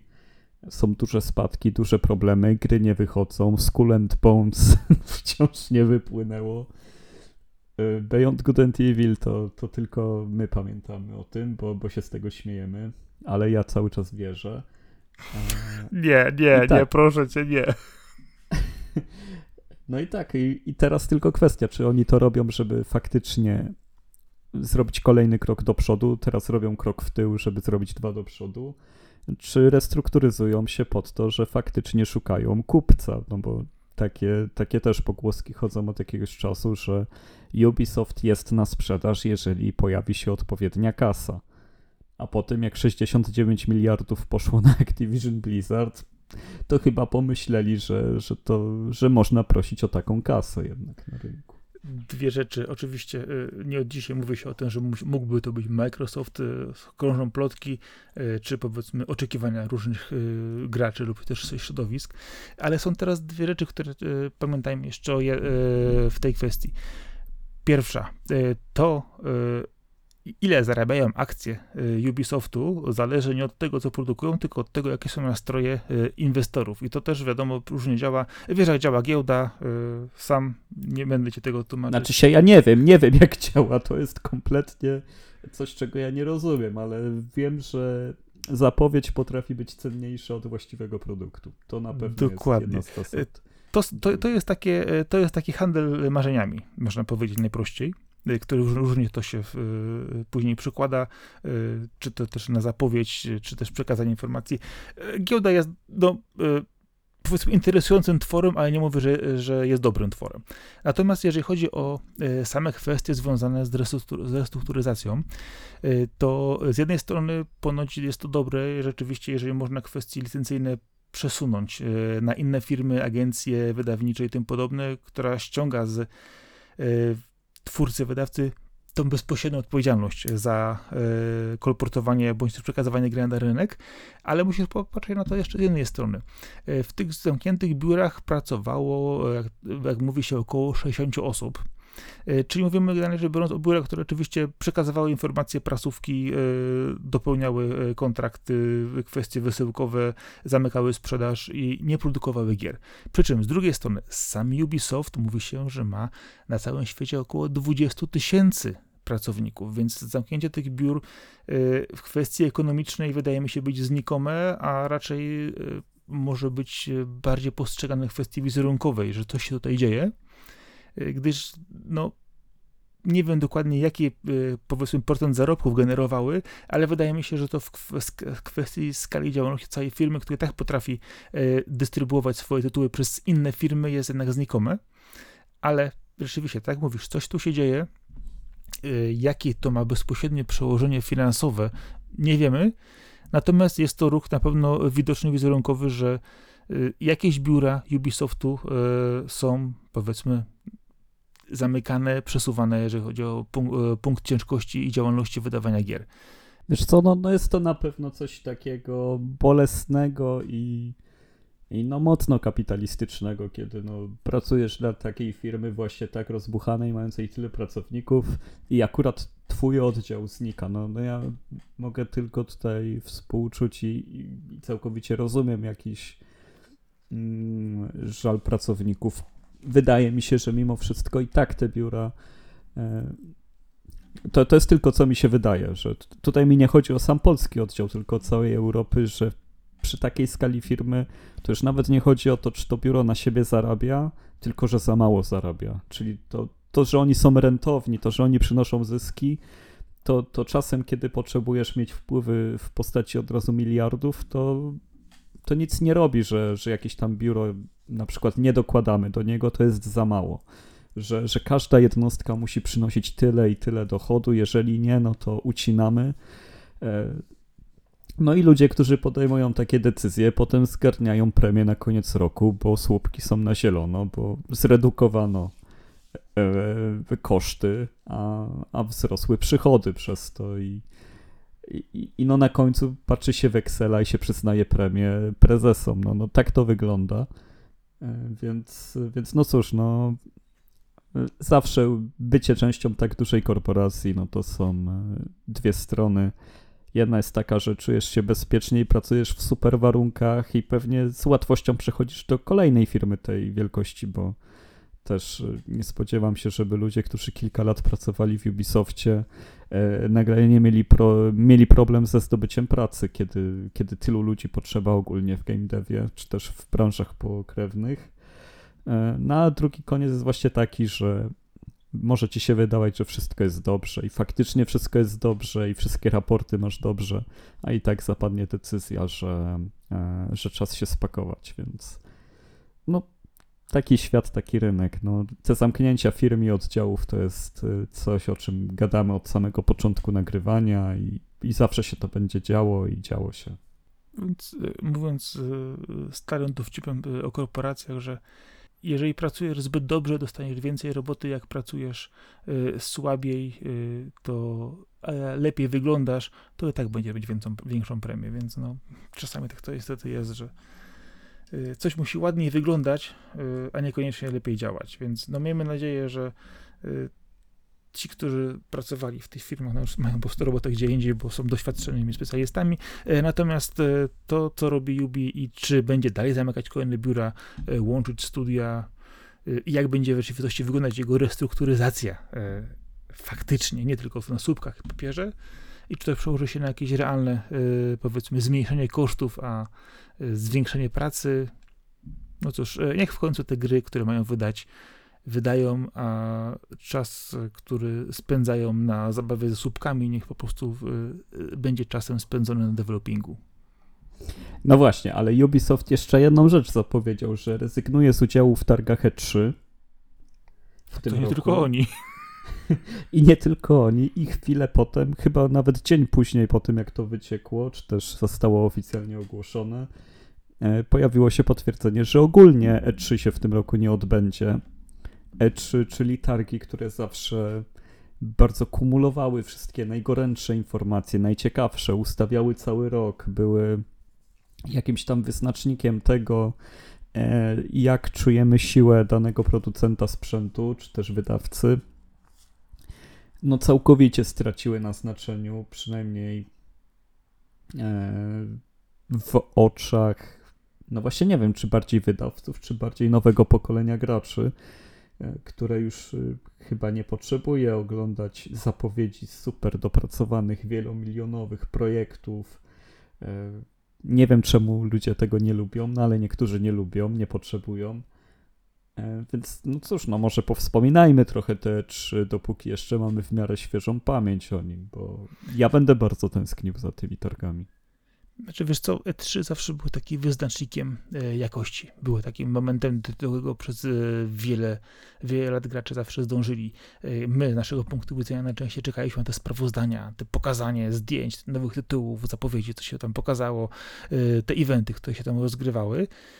No i niestety no, taka jest prawda, że w ogóle cała branża targowa, e, eventowa jednak się bardzo mocno skurczyła i to przełożyło się to też no, bezpośrednio na same E3. Ostatnie lata e, też pandemiczne pokazały to, że no, ciężko zorganizować imprezę w bezpieczny sposób, e, a to myślę, że był tylko taki gwóźdź do trumny, gdyż jednocześnie i wydawcy, i deweloperzy raczej woleli robić e, własne prezentacje co jakiś czas, własne streamy, własne, e, własne show w dowolnym momencie, kiedy oni stwierdzili, że jest to dla nich dobre, e, a nie był to taki zjazd całej branży ale przede wszystkim e, patrząc na młodsze pokolenie, no, które, no powiedzmy szczerze, e, bardziej e, jest zainteresowane różnego typu, mówiąc, uproszczając, czy to komputerem, czy to komórką, własnym ekranem, streamingiem, dostaniem informacji bezpośrednio do siebie, niż ruszeniem się czasami na jakąś wycieczkę czy wyjazd i pójście na targi. Nie mówię, że wszyscy, ale to się to jest widoczne w, w dużym zakresie, e, to też to, że e, branża się zestarzała w pewnym momencie bardzo mocno e, i na te targi właśnie jeździli CEO, jeździli, jeździły osoby, które były na samej górze, powiedzmy, tego łańcucha pokarmowego i korporacyjnego, co spowodowało rzeczywiście, że one stały się, mówiło się, bardzo branżowe, bardzo stricte skierowane do kadry zarządzającej w pewnym momencie i gdzieś chyba ta magia tego E3, tego szalonego grania, tego obcowania z innymi innymi graczami, tymi twórcami, z którymi można było czasami oczywiście pogadać czy spotkać, no chyba gdzieś uciekła, no, a z czasem, no, y, przybiło y, kolejne rzeczy. Y, do E3, mówiąc delikatnie, gwóździkami do tej trumny, no i tak y, uciekali kolejni y, wydawcy i kolejni, kolejne firmy z odsłon y, ostatnich latach, no to teraz po prostu rzeczy powiedziałem, dobra, pas, bo już, już wszyscy stwierdzili się, że każdy ma swoje y, własne eventowe zdarzenie z premierami, no to już po co w ogóle organizować do tego imprezę? No właśnie, no, ale szkoda i tak, bo ja, no wiadomo, że nie byliśmy na E3, ale to, to był taki moment, kiedy ludzie z całego świata mogli się poczuć, jakby faktycznie byli częścią tego całego eventu, mogłeś cały dzień mieć odpalone streamy, a tak naprawdę całą noc to był ten klimat, że to się dzieje w Stanach, a ty masz to na żywo u siebie, w Polsce, w Europie. Przecież pamiętam, jak miałem stałe łącze założone. Pierwsze moje stałe łącze, no to E, oczywiście od razu było wykorzystane do tego, żeby ściągać konferencję Z3, bo wtedy jeszcze streamy nie były dostępne, tylko, tylko trzeba było gdzieś z torrentów e, zapis wideo z konferencji czy ściągać i to było coś, że ja tam zapraszałem ludzi do siebie, chodźcie, zobaczymy, co teraz zapowiada Sony, co zapowiada Microsoft, co zapowie Nintendo. No przecież to było takie przeżywanie E, potem możliwość oglądania tego na żywo, czy to na YouTubie, czy też na, na stronach, na, na GameSpocie chyba się oglądało E3 e na początku. To, to była prawdziwa magia, żeby na żywo w tej sekundzie, kiedy ten news wychodzi, e, razem ze wszystkimi go oglądać i, i to nie robiło kompletnie żadnej różnicy, czy, czy, czy jesteśmy tutaj po tej stronie Warty, czy, czy, po, czy po tej stronie, gdzie jest Los Angeles i E, świetnie skumulowane święto graczy, pełne pamiętnych momentów, cytatów, wydarzeń, odkryć. W sumie też powiem szczerze, że przez te lata mi się trochę zamazało, czy, czy jakiś pokaz był faktycznie ze 3 e, czy, czy z Gamescomu, czy z innych targów, czy pierwszy pokaz premierowy tam był, czy późniejszy, ale ale wiadomo, jak Uncharted się pokazywało, no to na E3, przecież demo Killzona dwójki na przykład, to takie fejkowe, słynne, e, no to też pozamiatało. Metal Gear Solid 4, jak się pierwszy raz pokazał na E3, Gears of War, jak pokazano, no te rzeczy były wspaniałe, fantastyczne, oglądanie ich to było coś. I, e, no i właśnie, no wracając do tego pytania, jakie takie momenty ci zapadły, takie pocztówki w głowie, jeżeli chodzi o targi, które były w Kalifornii. Wiesz co, tak właśnie mówię, że sporo rzeczy no, gdzieś tam się e, pozacierało, e, różnego typu e, odjazdy czy fakapy, głupie pomysły, to czasami stały się już memami. Chociaż ja zawsze mam, pamiętam, że no, z dekadę temu to te konferencje Sony były czymś, tak właśnie też wspominasz, jak pokazywano Uncharted, chyba to dwójki najbardziej zrobiło wrażenie na wszystkich, to były po prostu ludzie... Albo PSP. Ale PSP chyba było była chyba tragedią, jeżeli chodzi o pokaz, pamiętam. To, to, tam coś było nie tak. No tam było to Ridge Racer. Ridge Racer, tak, ale chyba cała reszta była, była, była coś nie, strasznie zepsuta. Co mi się kojarzy? Coś... Tak, bo to była taka fatalna konferencja, gdzie oni... To była chyba ta sama, na której usprawiedliwiali, że PlayStation 3 będzie za 600 dolarów, że będzie takie drogie, ale będzie warto i przy okazji pokazali właśnie PSP i gry na PS3 w stylu, wiesz, Giant Enemy Crab, gdzie tam Genji był. Na jakiejś plaży się walczyli samurajowie jak z PlayStation 2 tak naprawdę, no. Tam było dużo wpadek, to było piękne, że tam na tych konferencjach, które są wideo przygotowane, które tylko dostajesz, nie ma miejsca na wpadkę, a, a E3 miało ten element chaosu. No, miało zdecydowanie. Wydaje mi się, że yy, wiesz co, były te różne te, te, te akcje flashmobowe, kiedy oni wychodzili gdzieś do ludzi z jakimiś yy, pacenkami tańczącymi, czy innego typu rzeczy, gdyż to, to były targi, tam, tam było też mnóstwo ludzi robiących cosplay, tam, tam byli gracze, którzy potrafili szaleć. Yy, no ja pamiętam też tą yy, reakcję dawno, dawno temu, jak pokazywali, yy, widziałem filmiki z God of War'a pierwsze, które wchodziły, to ludzie po prostu dostawali szału. Tam były jakieś takie rozruchy momentami, no, yy, kurczę, ludzie mają emocje, gracze, gracze mają emocje, nie tylko negatywne, które w tej chwili, wiesz, skupiają się na jakimś hejcie, tylko wtedy rzeczywiście potrafili się, wiesz, ekscytować, no. E, było w tym coś naturalnego, to nie, nie da się tego e, właśnie w żaden sposób ani zapomnieć, ani odrzucić, że te konferencje, e, które były podczas tych targów, no potrafiły naprawdę wywołać emocje i często właśnie pozytywne. I to mi się wydaje, że e, tego będzie chciało brakować, bo w takim e, dom, domowym, zacisznym oglądaniu, nawet z kilkoma osobami gdzieś online, to no, nie czujesz tego vibe'u, kiedy wrzucają cię na ekran nową grę, do którą czekałeś nie wiadomo ile czasu i kurczę, to jest właśnie to i to pokazują tylko teraz w tym miejscu, jesteś częścią tego wydarzenia. No, to jest chyba ta ulotna rzecz, która rzeczywiście będzie no, zapomniana i stracona. No na pewno jeszcze trzeba wspomnieć e, e, to, e, kiedy Sony zrobiło E3 snów, kiedy na jednej konferencji pojawił się znowu Last Guardian, Shenmue czy Final Fantasy VII Remake, no tam były takie emocje, no tego się nie da zapomnieć. Kolejne trzy mieli The Last of Us, część druga, świetny był ten pokaz. E, Ghost of Tsushima, jak pokazali pierwszy raz, to przecież też wyglądało tak, że nie wiadomo było gdzie patrzeć, tyle rzeczy się działo na ekranie. Microsoft miał E3, w którym zapowiedział na przykład wsteczną kompatybilność na Xboxie One to był świetny news, to był taki cios właśnie dla Sony, które tego nie miało na PlayStation 4. Takie to było wyczekiwane.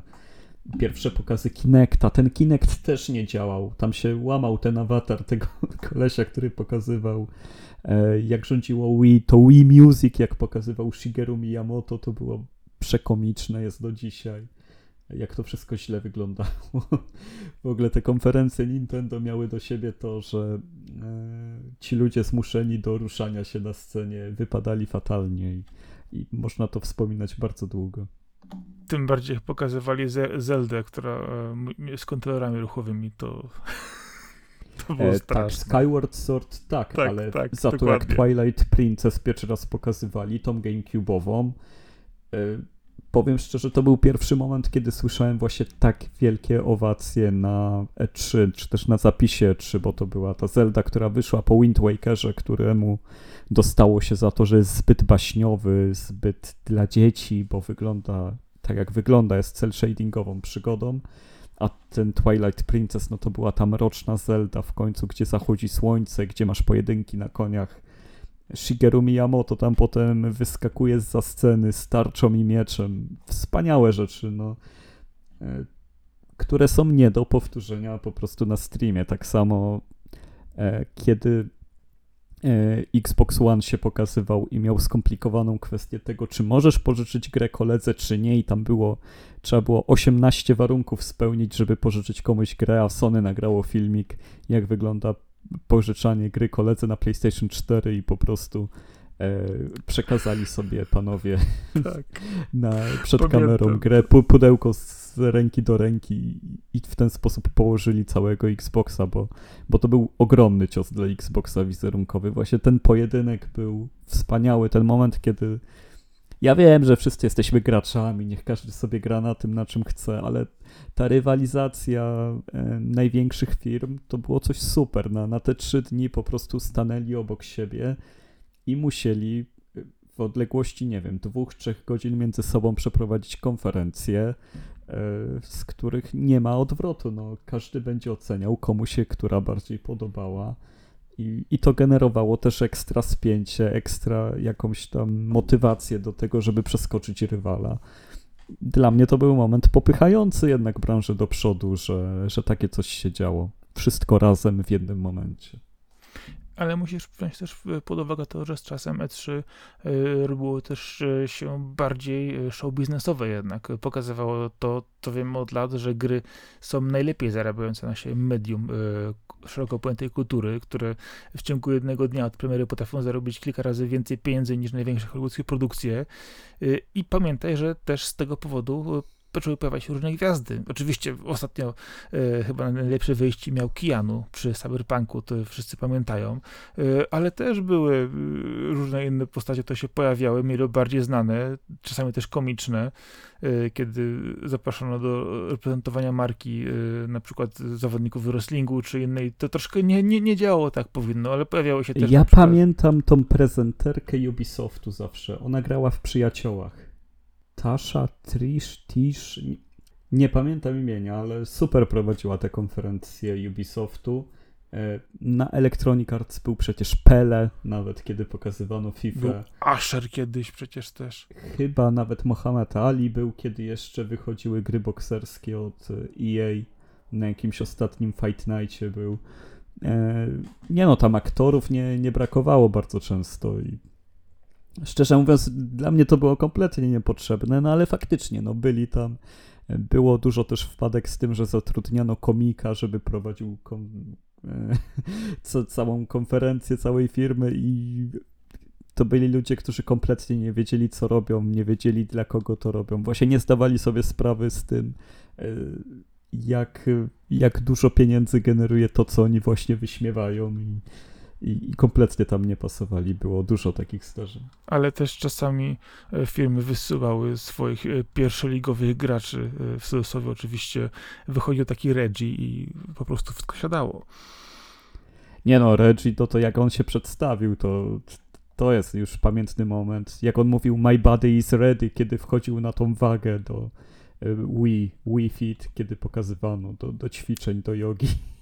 Tak, to, i to po prostu były takie rzeczy, że po prostu czujesz taki, taki cringe momentami, że, że, że nie wiesz skąd, skąd to się wzięło tak do końca, nie? Czy to jest rzeczywiście ktoś tak oderwany od, od branży, ale będący tak mocno zakażony w firmie, że on tam poszedł, żeby pokazać, jakie on to jest, czy to właśnie tak wspominasz, e, że wynajęty aktor czy komik nie zdawał sobie sprawy z tego, jakie pieniądze generuje ta branża, na co ją stać, też wyśmiewał to e, w ten czy inny sposób. No, e, nie wiem, co ci ludzie mają w głowie, jak to się, e, jak to się mówi, no, ale czasami rzeczywiście wychodziło to bardzo, bardzo komicznie i niektóre rzeczy rzeczywiście, no, pamięta się długo i to nie w sensie miłego doznania. No poza tym, no przecież nawet jak dużo dla Wiedźmina znaczyły e, targi E3. Ten moment, kiedy Wiedźmin 3 był pokazany na konferencji Microsoftu, no to był taki stempel jakości, pokazanie tego, że faktycznie to będzie gra, która sprzeda miliony i będzie naśladowana i jakbyśmy nie oceniali dzikiego gonu, tak sukces e, na świecie był gigantyczny i, i na pewno konferencja 3 z tym trailerem który bardzo dobrze pamiętam, bo bardzo dużo rzeczy, których nie było w grze, było w tym trailerze. E, to, no to to był wielki ruch, tak zresztą jak mówiłeś, z tym Keanu Reevesem, z Cyberpunkiem, to, to też było coś, co zbudowało całą legendę też CD. Ale wiesz co, e, tak ci powiem, że tak e, patrzę właśnie na reakcje dotyczących tego, jak wyglądać miało to E3, to tak wiesz, pojawia się trochę taka, wiesz, z tych stron taka, wiesz, kurczę, konsternacja, bo niby się wszyscy zapowiedzieli, a to nagle okazuje się, że wszyscy mówią, że jednak nie będą brać. I wiesz co, znalazłem komentarz Redziego dotyczący właśnie tego, że porównał tą pustkę, cytuję oczywiście, społeczności E3 do rzeczywistości, która jest w Miiverse. Czyli tak niby jest, a nikogo tam nie ma.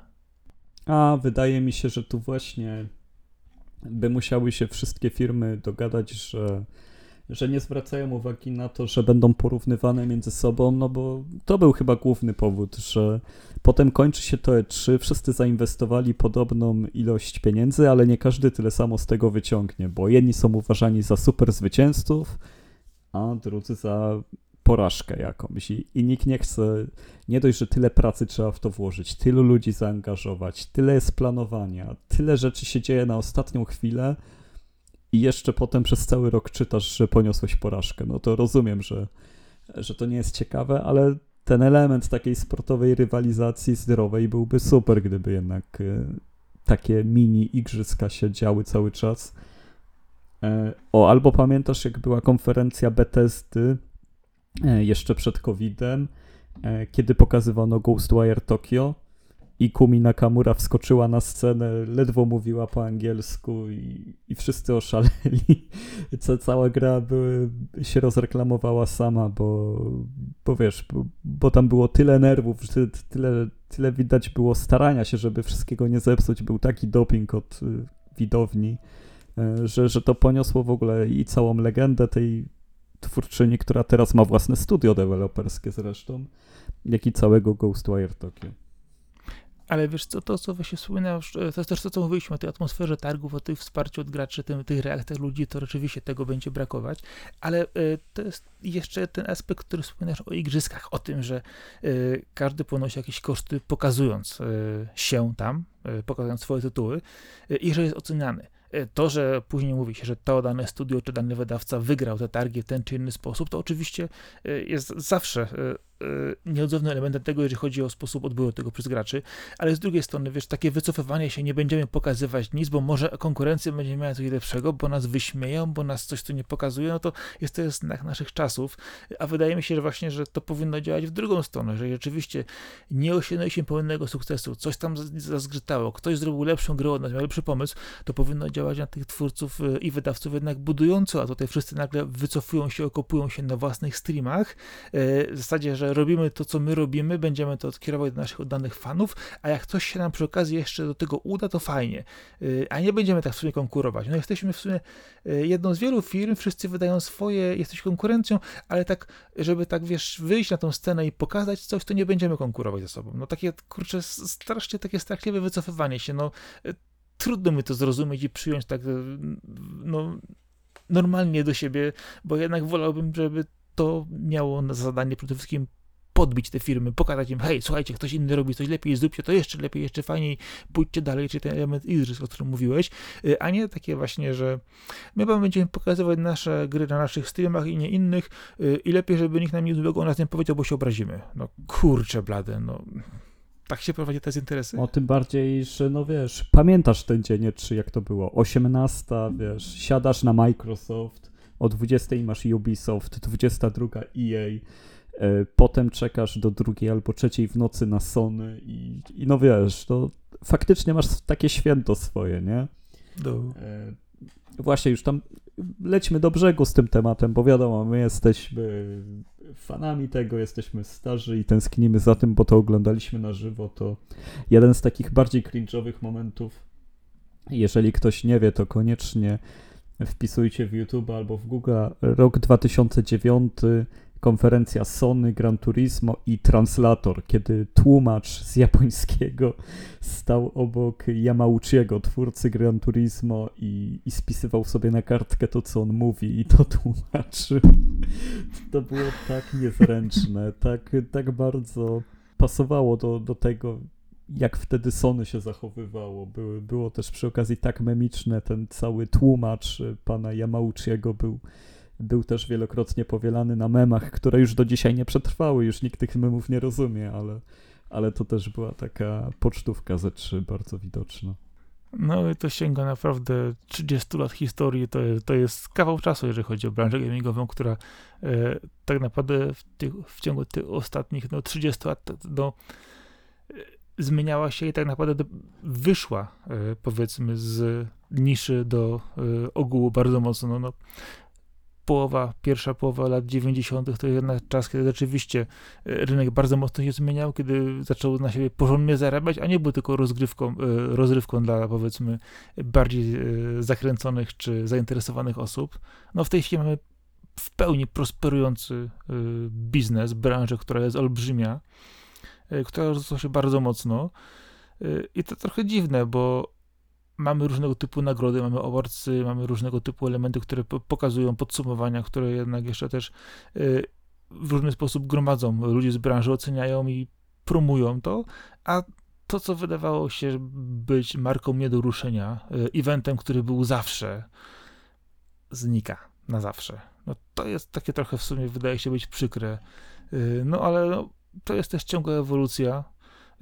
Mówi się, że no, tą pustkę e, po te trzy to będzie musiało wypełnić. E, więc no miejmy nadzieję, że będzie to coś rzeczywiście fajnego, co będzie umiało zgromadzić e, tych wszystkich wydawców, twórców no, w jednym miejscu i pokazać, że te imprezy jednak mają w sobie to, co gracze jednak chcą, ten moment niepewności, ten moment oceniania, ten czasami moment cringe'u, ale to jest też show, które no, powinno też te, te gry sprzedać, E, powinno też e, pokazać, skonfrontować różnych wydawców, deweloperów między sobą, a nie tylko bezpiecznie sobie siedzieć u siebie w domku na streamie, który będzie pokazywać się parę razy do roku bez właśnie odniesienia do konkurencji. I chyba tego właśnie najbardziej będzie brakować, że to starcie konkurencji chyba zawsze jednak było najbardziej budujące dla poszczególnych firm, które na kolejną edycję targów chciały się odgryźć, pokazać coś więcej, lepiej.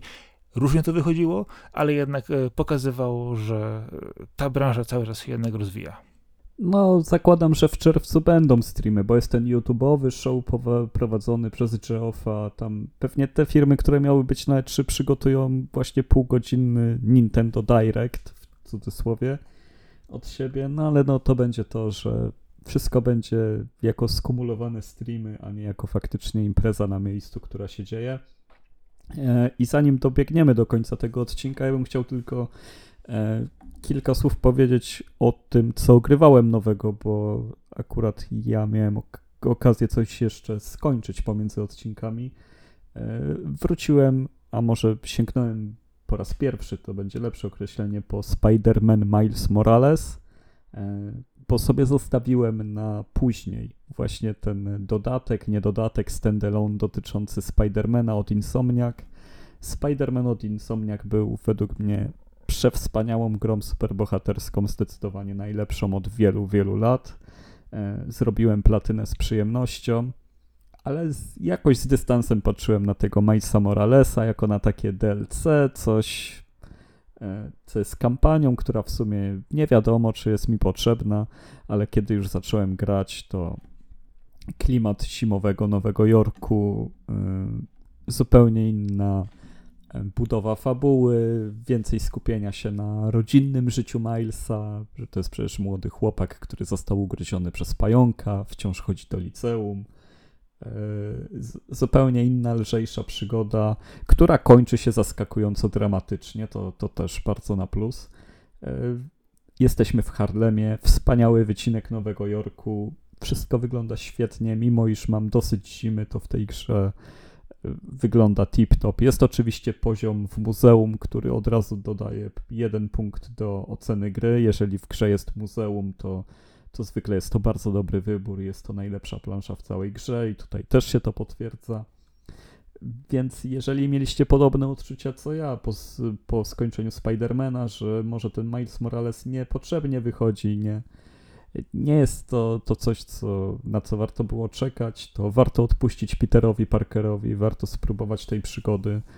W sumie nawet jeżeli się nie skończyło też podstawki, można też zacząć od tego. To jest przygoda na 8-10 godzin. E, świetna gra akcji z bardzo wysoką jakością produkcyjną.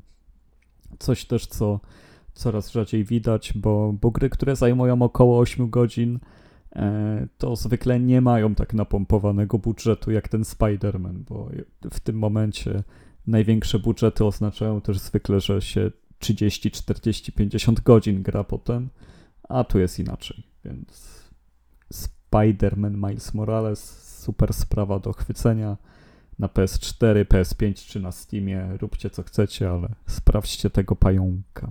Znaczy, wiesz co, Spider-Man jakoś e, dla mnie w ciągu ostatnich jednak dwóch dekad to miał szczęście do jednak dobrych gier. Sporo ich wyszło. Kilka z nich też ograłem, więc no kurczę, wydaje się być naturalnie, że sięgnę pewnie też po tego Milesa Moralesa, znaczy kwestia też pytanie na, na, na czym i ile będzie kosztować, ale no kurczę, ta marka jednak, ten, ten bohater miał jednak szczęście do sporu, sporej ilości dobrych gier, no i kurczę, wydaje się, że to utrzymuje dalej E, daje tę tendencję. E, wiesz co, ja nie ukrywam, że nie skończyłem e, gier do końca w tej chwili żadnych. Dalej jestem w tym miejscu, gdzie ogrywałem różne tytuły, chociaż zbliżam się do końca, bo nie, ten Gear Club Unlimited jestem, powiedzmy, już przekroczyłem 3 czwarte gry, ale dalej jeżdżę i dalej, dalej ma się to dobrze. Wspominałem ci jeszcze przed nagraniem, że grałem w Gardens Between, czyli przygodówkę, zabawy z czasem, przesuwania przedmiotów i innych rzeczy. Taka gra na 3-4 godziny w sumie do przejścia sobie. Specyficzna, ale, ale fajna, yy, dla mnie przynajmniej. Yy, co ważne, ściągnąłem ostatnio też na promocji po dwie rzeczy, czyli Immortals Phoenix Rising, wreszcie do tego usiądę, ale idą święta, więc tak właśnie będę chciał usiąść do niej na parę godzin, żeby się dobrze ściągnąć. Jak zagryzie, to podejrzewam, e, przepadnę w niej, tak jak w innych wielu grach z open worldem od Ubisoftu, na długi, długi czas i wyczyszczę pewnie do zera prawie. Ale Ostatnio też pojawiła się na promocji gra, którą pulowałem od dawna właśnie, że miała sensowną cenę, jako że ja bardzo lubię pływanie stateczkami i piratów w różnej formie, czyli King of Seas, który jest na między innymi Switcha, Dostajemy mały stateczek, prostą historię, świat generowany losowo i generalnie rzecz biorąc, całą historię świata fantazy, która tam jest osadzona, zależnie od stopnia, stopnia trudności, to, czy zregenerujesz się ze statkiem, czy masz permadev, czy odzyskasz swoje, y, powiedzmy, rzeczy zgromadzone i tak dalej. To jest dokładnie rogali generowane sobie w różnym stopniu. Możesz misję skopać tylko dlatego, że zginiesz, y, znajdziesz inną. Oczywiście ma też swoją historię fabularną tam y, zaszytą. Dopiero tą grę zacząłem sobie rozkręcać, bo to jest taki, kurczę, w sumie gra jest całkiem duża, ale jest w skali mikro zrobiona, I generalnie ja uwielbiam pływanie stateczkiem i strzelanie do innych stateczków, y, a życie pirata zawsze było y, wyidealizowane i barwne dla nas, dla nas od samego dziecka, nawet małego. Po prostu gra się w to fajnie, ma tam, nie jest to idealna gra, może mogliby trochę lepiej pomagać z centrowaniem kamery, czy obracaniem jej. Y, czy sterowanie czasami czas po sobie wyczuć, ale rozbudowywanie tych statków, wykonywanie misji, pływanie od portu do portu, y, walczenie z, z stronnictwami, powiedzmy, żeby nie y, zdradzać historii, różnymi, które są przeciwko nam, które są z nami, odkrywanie wielu mistycznych tajemnic na wyspach, mieszanie tego też z elementami voodoo, elementami różnych takich właśnie, powiedzmy sobie, królewskich czy kolonialnych akcentów momentami. Bardzo fajnie jest to zrobione y, i po prostu przyjemne. Nie jest to jakaś gigantyczna superprodukcja, y, ale jest na tyle fajnie zrobione, na tyle przyjemne dla oka i fajne gameplayowo, że autentycznie to jest coś, do czego sobie usiądziemy, popływamy sobie paręnaście minut, czy nawet czasami z godzinkę, ustrzelimy parę statków, wywalimy parę misji i czujemy się, że zagraliśmy coś przyjemnego i fajnego. No jeszcze sporo drogi przede mną do zakończenia głównej historii, ale King of Seas w swojej kategorii wydaje mi się bardzo fajną rzeczą. No, będę musiał po to sięgnąć.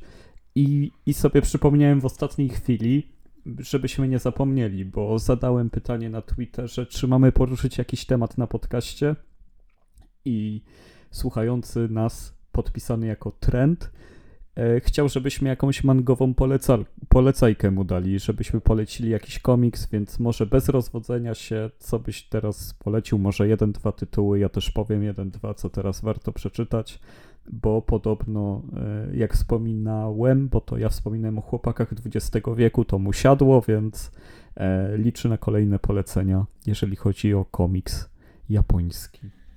Y, wiesz co, y, dużo rzeczy. Pytanie właśnie, czy ma być to długa seria, czy ma być to seria y, zamknięta, czy też jednostrzałowiec. No, nie mam wytycznych, musimy polecić po prostu. Dobra, wiesz co, powiem ci, akurat dosłownie na dniach zakończyła się seria, o której wspominałem już kiedyś, Po deszczu. Już opowiadałem o tej historii kiedyś, o, o, i o serialu, i o właśnie muzyce z tego. Zamknięta seria nie jest to kwestia dotycząca tak właśnie zakręcona jak chłopcy, chłopcy z XX wieku, ale e, jest to fajna rzecz, która bardzo zaskakuje e, i jest w całości 10 tomów wyszło e, zamknięte. Wydaje się to być na początku takie trochę, hmm, kurczę, co to właściwie chodzi, ale emocje, które są później tam opisane i jak bardzo budująca jest ta seria w kwestii właśnie do postrzegania świata e, i tego, jakie sobie czasami dajemy ograniczenia, fenomenalnie wychodzi to na końcu i jestem zachwycony zakończeniem, bo jest zupełnie inny niż w anime i więcej tam jest tych rzeczy. Więc e, po deszczu, jeżeli ktoś chce coś spokojnego, co pomoże mu się odbudować, polecam. Okej, okay. Ode mnie na pewno Samotny Wilki Szczenie, który teraz ma reedycję. Chyba Hanami to teraz wydaje na nowo, czyli zbiorcze tomy. Kiedyś wychodziło w takich malutkich tomach od Waneko. Chyba na sześciu się skończyło w Polsce. E, I w końcu teraz jest okazja znów e, to przeczytać. Jest to opowieść o samuraju, który e, porzuca swego pana, jest porzuca. No. Dzieją się rzeczy, że musi wyruszyć sam w podróż i jest to do szpiku honorowy człowiek i też na skutek zbiegu wydarzeń wyrusza w tą podróż ze swoim synkiem. On ma chyba dwa lata. W każdym razie wozi go w kołysce i jest taki właśnie charakterystyczny widok w kołysce w wózku e, samuraja, który przemierza Japonię e, z wózkiem, z dzieckiem i, i wykonuje misje po kolei. Takie, no gdzie nie trafi, oczywiście tam się coś dzieje. W każdym mieście, w każdym miejscu trafia nas na kolejne przygody E, w pewien sposób można to porównać z Usagi Yoimbo, ale Usagi jest bardziej taki komiksowy, akcyjniakowy i Usagi jest w ogóle świetny, to, to każdemu polecam. Tam jest świetny morał, za, zawsze się dobrze e, kończy Usagi i, i zawsze coś z tego wynika, zawsze ten komiks jest po coś, a Kozure Okami, czyli w Samotny Wilki i Szczenie, to jest taka bardziej zabrudzona wersja tego wszystkiego, taka bliższa realizmowi, genialnie też narysowana. Można wiele wyciągnąć z tego komiksu. E, na pewno jak ktoś lubi samurajskie historie, to musi po to sięgnąć. Dobrze, to w takim razie dla równowagi dodam jeszcze jedną, e, jedną, jedną tomówkę, co ważne. E, ty dajesz tytuły, oczywiście zdam mocne, duże, fajne serie. Coś, co nazywa się Look Back, czyli taka opowieść o, by to powiedzieć, fabularnie wydaje się być proste, ale świetnie narysowane, z, dobrze skonstruowanymi wątkami, e, małomiasteczkowymi, to powieść w pewnym sensie też no, dużym o, dojrzewaniu, ale też w specyficznym stylu i czymś, co się daje fajnie odczuć, więc no, są tam klimaty, powiedzmy, e, jakby to powiedzieć, hmm, samorealizacji, o, że tak powiem, może proste, e, i odnajdowania swojego miejsca na świecie w bardzo skondensowanej formie. Look back, y, warto sięgnąć. Nie jedna osoba, która po to sięgnęła, była zdziwiona, jak to jest dobrze opowiedziane i jak jest to zamknięte właśnie w jednym tomie. No, coś w tym jest. Okej, okay, no to teraz już faktycznie zmierzamy do końca. To był 70. Czwarty. 74 odcinek Lawokado nocą. E, możecie nas e, znaleźć na RSS-ach swoich, na apkach podcastowych.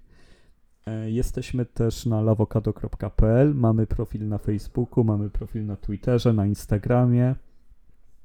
Jesteśmy oczywiście na Spotify, na iTunes, a RSS-y, o których wspominałem, wszystkie wychodzą na świat z naszego SoundClouda. I to chyba wszystkie podstawowe miejsca, gdzie jesteśmy, prawda? E, jesteśmy jeszcze na YouTubie, bo chyba to umknęło, bo nie dosłyszałem. E, w to nie każdym, powiedziałem o tym faktycznie. E, w każdym razie, tam gdzie docierają RSS-y i streamingi, jesteśmy zawsze. Na mediach społecznościowych jesteśmy różnie sporadycznie, zależy to, kogo natchnie. Mamy grupę Avocado Friends, gdzie też czasami zachęcamy Was do większej aktywności, do zagadania czasami z nami i daje nam się czasami trafić z jakimś tematem, gdzie rzeczywiście wywołuje jakieś mniejsze lub większe poruszenie. A dzisiaj. I szczególne y- pozdrowienia dla Trenta, który odpowiedział na Twitterze na pytanie i zadał nam pytanie, co mamy poruszyć w odcinku. I dlatego mieliśmy okazję pogadać o tych mangach przez chwilę. W wersji y, takiej y, poletejkowo skróconej. Więc jeżeli ktoś chciałby coś jeszcze y, nas zapytać, chciałby, abyśmy jakiś temat poruszyli na nagraniu, bądź też chciałby zadać nam konkretne pytanie, do którego mielibyśmy się ustosunkować e, w szeroko pojętej e, kwestii dotyczącej gamingu, no i troszkę też wiadomo, powiedzmy popkultury i kultury, to zachęcamy i z przyjemnością się do tego ustosunkujemy, szczególnie jeżeli będzie to jakieś takie kłopotliwe i trudne pytanie dla Arka. Tak, wtedy zapraszamy przede wszystkim do komentowania podcastu na stronie albo też y, do czekania na to, aż będziemy o tym mówić na Twitterze na przykład, że, że teraz czas na zadawanie pytań. I tym optymistycznym akcentem kończymy. Był ze mną Marcin Tomkowiak, czyli Sakora. Oraz Arkadiusz Czygończyk, czyli Kaskad. Trzymajcie się wszyscy serdecznie i do usłyszenia. Hej, hej. Dzięki, cześć, dzięki, cześć.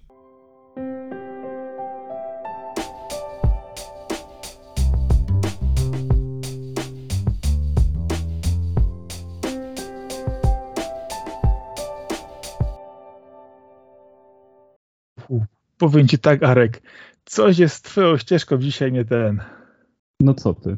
Słychać, jak tak się oddalasz, przybliżasz głośniej i ciszej. Takie są wahania, jakich wiesz, nie było wcześniej.